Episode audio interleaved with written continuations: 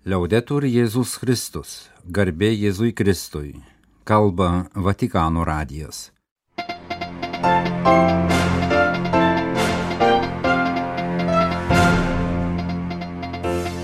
Malonus klausytojai šioje sekmadienio Liepos 30-osios programoje popiežius Pranciškus paprašė maldą lydėti į kelionėje į Portugaliją pasaulio jaunimo dienos progą.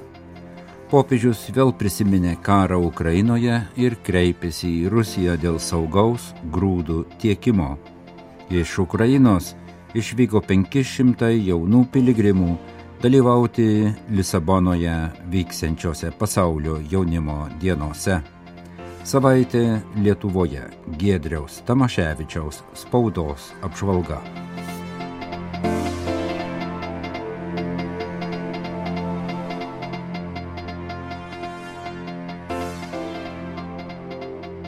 Sekmadienį po vidudienio palaiminimo popiežius Pranciškus prisiminė šią dieną minimas dvi Jungtinių tautų organizacijos iniciatyva paskelbtas pasaulinės draugystės ir kovos su prekyba žmonėmis dienas, tebesitęsinti Rusijos karą Ukrainoje, pražutingo sprogimo Beiruto uoste trečiasias metinės, ir rūpjūčio antrą dieną prasidėsiančią savo kelionę į Portugaliją pasaulio jaunimo dienos proga. Vi chiedo di accompagnarmi con la preghiera nel viaggio in Portogallo, che compirò a partire da Pranciškus prašė maldą lydėti jį šioje kelionėje, kurią pavedė Portugalijoje gerbiamai švenčiausiai mergeliai Marijai. Marijai, šviesiai krikščioniško gyvenimo žvaigždai pavedu pasaulio jaunimo dienos piligrimus ir viso pasaulio jaunimą, sakė Pranciškus pažymėjęs, kad daugybė jaunuolių iš visų žemynų pasaulio jaunimo dienoje Lisabonoje, vedami švenčiausiosios mergelės Marijos, galės patirti susitikimo su Dievu ir su broliais džiaugsmą. Popiežius sekmadienį kreipėsi į Rusijos vyriausybę, prašydamas atkurti grūdų tiekimą per Juodąją jūrą. Pranciškus po sekmadienio vidudienio maldos ir palaiminimo vėl prisiminė nuo karo kenčiančią Ukrainą ir prašė už ją melstis. Non cessiamo di pregare per la martoriata Ucraina, dove la guerra distrugge tutto, anche il grano. Nepaliaujamai melskime už kankinamą Ukrainą, kurioje viskas naikinama, taip pat grūdai. Grūdų naikinimas yra rimtas Dievo įžeidimas, nes grūdai yra jo dovana žmonijai pasotinti. Milijonų bada kenčiančių brolių ir seserų šauksmas kyla į dangų, pažymėjo popiežius ir tęsė. Faccio appello ai miei fratelli, le autorità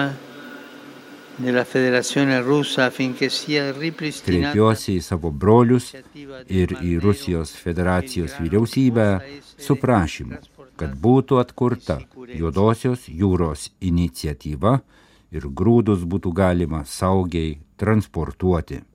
Jungtinių tautų organizacijos iniciatyva paskelbta pasaulinės draugystės diena skatina tautų ir kultūrų draugystę o kovos su prekyba žmonėmis diena kovoja su žmonės prekėmis paverčiamu nusikalstumumu, tęsė popiežius Pranciškus kreipdamasis į sekmadienio vidudienio maldos dalyvius. Prekyba žmonėmis yra baisi tikrovė, kiek daug išnaudojamų žmonių vaikų, moterų, darbininkų, sakė popiežius. Visi jie gyvena nežmoniškomis sąlygomis ir kenčia nuo visuomenės abejingumo ir atmetimo, šiandien daug prekybos žmonėmis. Laiminu visus įsipareigojusius kovoje su žmonių prekyba, pridūrė Pranciškus. Popiežius paminėjo rūpiučio ketvirtą dieną sukankančias baisaus sprogimo bei rūto uoste trečiasias metinės, užtikrino savo maldą už žuvusiuosius ir jų artimuosius. Neužmirškime Libano, kuris yra žinia, sakė Pranciškus, kartu išreiškęs viltį, kad sudėtingos Libano krizės sprendimas bus vertas Libano tautos istorijos ir vertybių. Jėzus palyginime apie brangų perlą, dėl kurio Evangelijos pirklys padarė viską, kad jį nusipirktų, kalba apie save. La perla è Gesù. Lui è la perla preziosa della vita da cercare, trovare e propria. Jėzus yra tas brangusis gyvenimo perlas, kurio reikia ieškoti, kurį reikia atrasti ir įsigyti. Taip kalbėjo popiežius paskutinio Liepos sekmadienio vidudienį prieš Marijos maldą kreipdamasis į tikinčiuosius susirinkusius Šventojo Petro aikštėje. Su dangaus karalystė yra kaip su pirkliu ieškančių gražių perlų. Atradęs vieną brangų perlą, jis eina, parduoda visą, ką turi ir nusiperka jį, sako sekmadienio mišių Evangelija pagal šventąjį matą. Popiežius paragino apmastyti kelis svarbius šio pasakojimo raktažodžius - ieškoti, atrasti ir nusipirkti.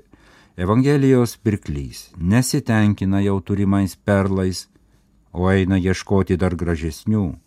Tai kvietimas, kad ir mes neliktume prie savo įpročių, nesitenkintume vidutiniškumu, o žadintume troškimą svajoti gėri, ieškoti viešpaties naujumo, nes viešpats nesikartoja, o visuomet sužadina naują, dvasios naujumą, gyvenimo tikrovę paverčia naują. Evangelijos pirklys akilai ieškojo, kaip ir mes kartais sendaikčių turguose ieškome kokio brangaus reto daikto. Tačiau jis geba atpažinti būtent tą perlą. Tai pamokymas mums, kad kasdien, būdami bet kur, galime atrasti turtą. Ir svarbu, kad gebėtume jį atrasti, pratintumės atskirti brangius gyvenimo perlus nuo klastočių. Negaišinkime laiko ir laisvės dėl niekų, kai gyvenimas kasdien siūlo patį brangiausią susitikimo su Dievu ir su kitais perlą.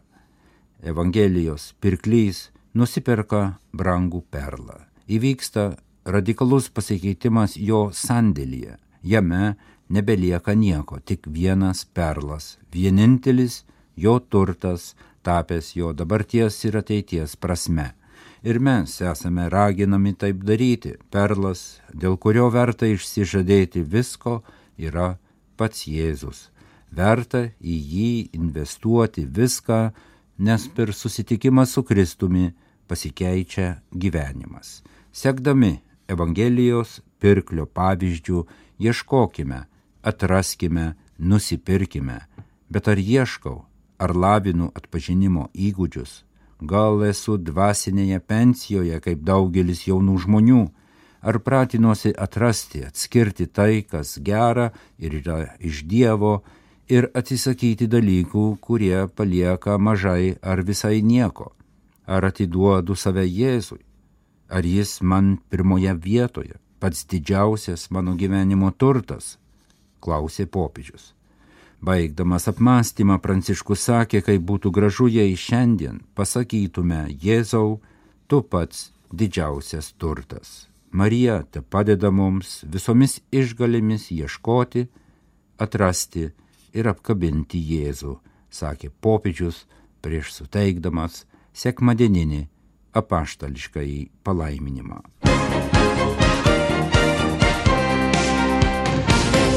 500 jaunų piligrimų išvyko iš Ukrainos dalyvauti Lisabonoje rūpiučio 1-6 dienomis vyksiančiose pasaulio jaunimo dienose.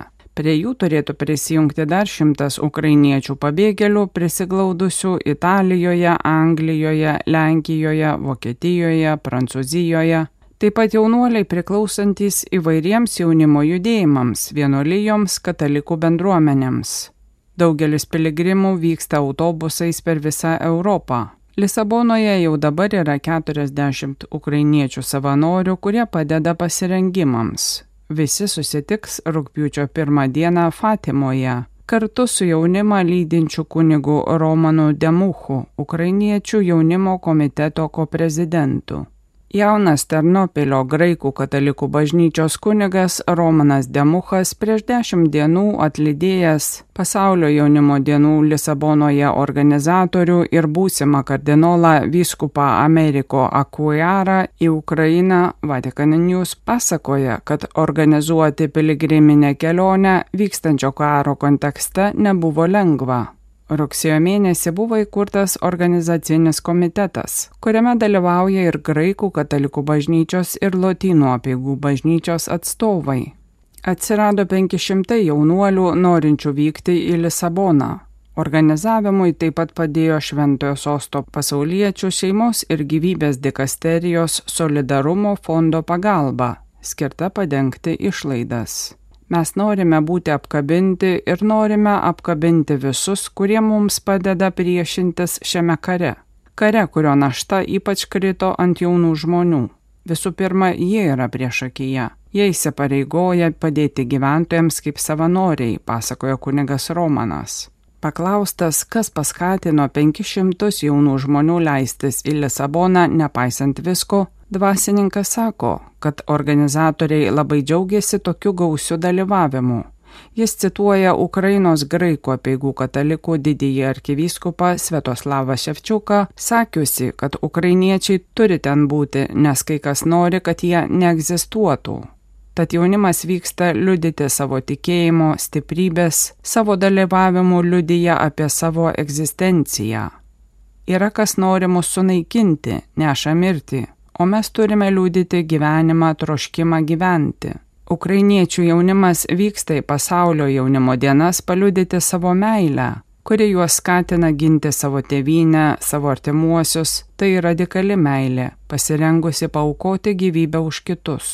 Tai skatina jaunuolius vykti į Lisaboną, kad jie patys būtų padrasinti, kad visas pasaulis juos apkabintų, nes svarbu nenutildyti karo aukų raudos šauksmo. Kunigas pasakoja, kad pasaulio jaunimo dienose dalyvaus jauni žmonės iš įvairių Ukrainos teritorijų. Ir tie, kurie daug daugiau nukentėjo dėl karo, ir tie, kurie nukentėjo šiek tiek mažiau iš vakarų dalies miestų, ir jaunimas pabėgęs dėl karo. Dalyvaus grupės iš rytų ir vidurio Ukrainos, iš pietų Ukrainos, iš Odesos viskupijos, iš Harkivo, iš Kyjivo, Hersono yra nedidelės grupės, kurias lydės Donetsko vyskupas auxiliaras Maksimas Rebucha. Tai ypač nukentėję jaunuoliai, kai kurių artimieji yra okupuotose teritorijose. Visi keliaujame į piligriminę kelionę, nes norime melstis, o ne tik mėgautis. Mes einame tam, kad susitiktume su gyvuoju Kristumi ir kad kiti mūsų veiduose atpažintų kenčiantį Kristų.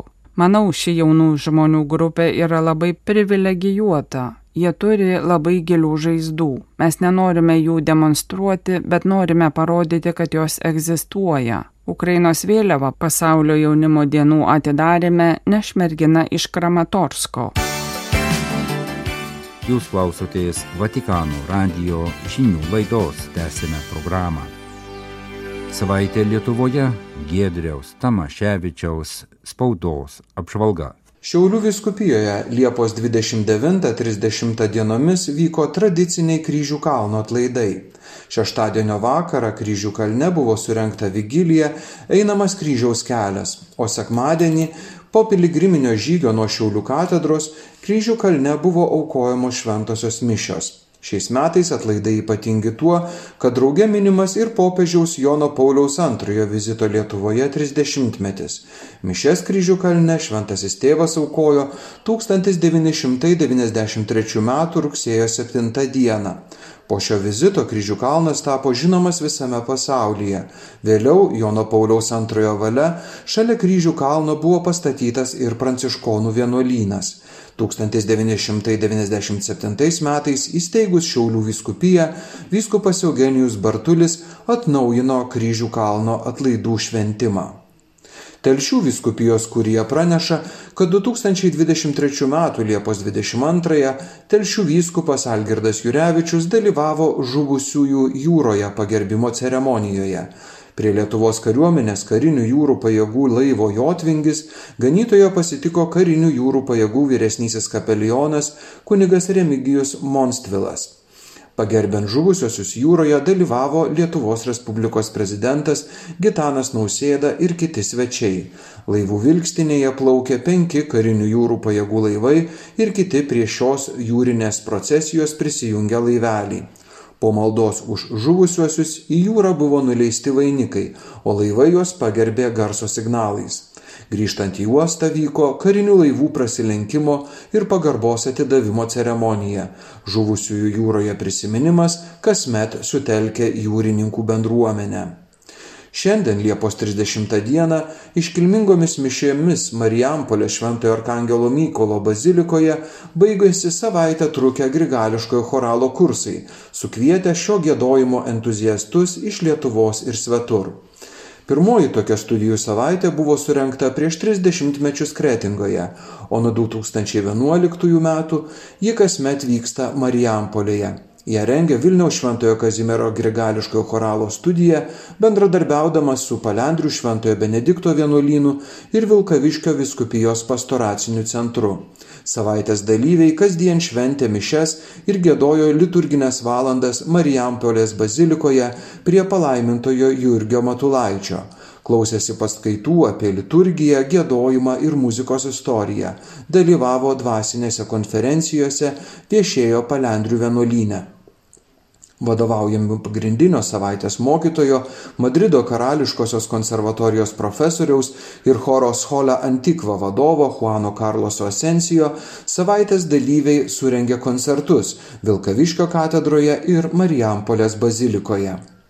Liepos 27 dieną dienraštis Bernardinai LT dalyjasi dar vienu Lietuvos nacionalinės Martino Mažvydo bibliotekos parengtų pokalbių apie filantropiją. Šį kartą bibliotekos valstybingumo centro vadovė Ilona Strumickienė kalbino Lietuvos karitas generalinę sekretorę Deimantę Bukeikaitę.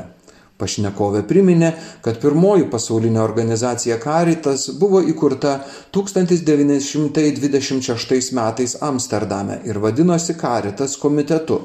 Lietuvoje Karito organizuota veikla prasidėjo nuo 1926 metų, kai keletas katalikiškų organizacijų susijungė kartu teikti labdarą ir padėti stokojantiems. Tačiau atėjus karui bendruomeninės veiklos tęsti buvo neįbeįmanoma ir Karito organizacija buvo atkurta tik 1989-aisiais. Šiandien Karitas yra antroji didžiausia humanitarinę pagalbą teikianti organizacija, veikianti 162 pasaulio šalyse. Organizacijos veiklos pagrindas - katalikų bažnyčios socialinis mokymas, o pagrindinė užduotis ir misija - rūpintis visais stokojančiaisiais. Man atrodo, kad filantropija Lietuvoje dar tik išgyvens aukso amžių, nes mes dar trumpai esame laisvi. Karas Ukrainoje aiškiai parodė, kad visi galime ir norime dalintis. Mes dar tik tai keliaujame link to, kad savanorystė taptų hobiu ir prestižo reikalu. Tai bus didžiulis indėlis į pačią filantropiją visos šalies mastu. Kaip bendruomenė pradėkime nuo mažiausio darinio - šeimos, teigia Lietuvos karitas generalinė sekretorė Deimantė Bukeikaitė. Gedrius Tamaševičius, Vatikano radijui iš Vilniaus.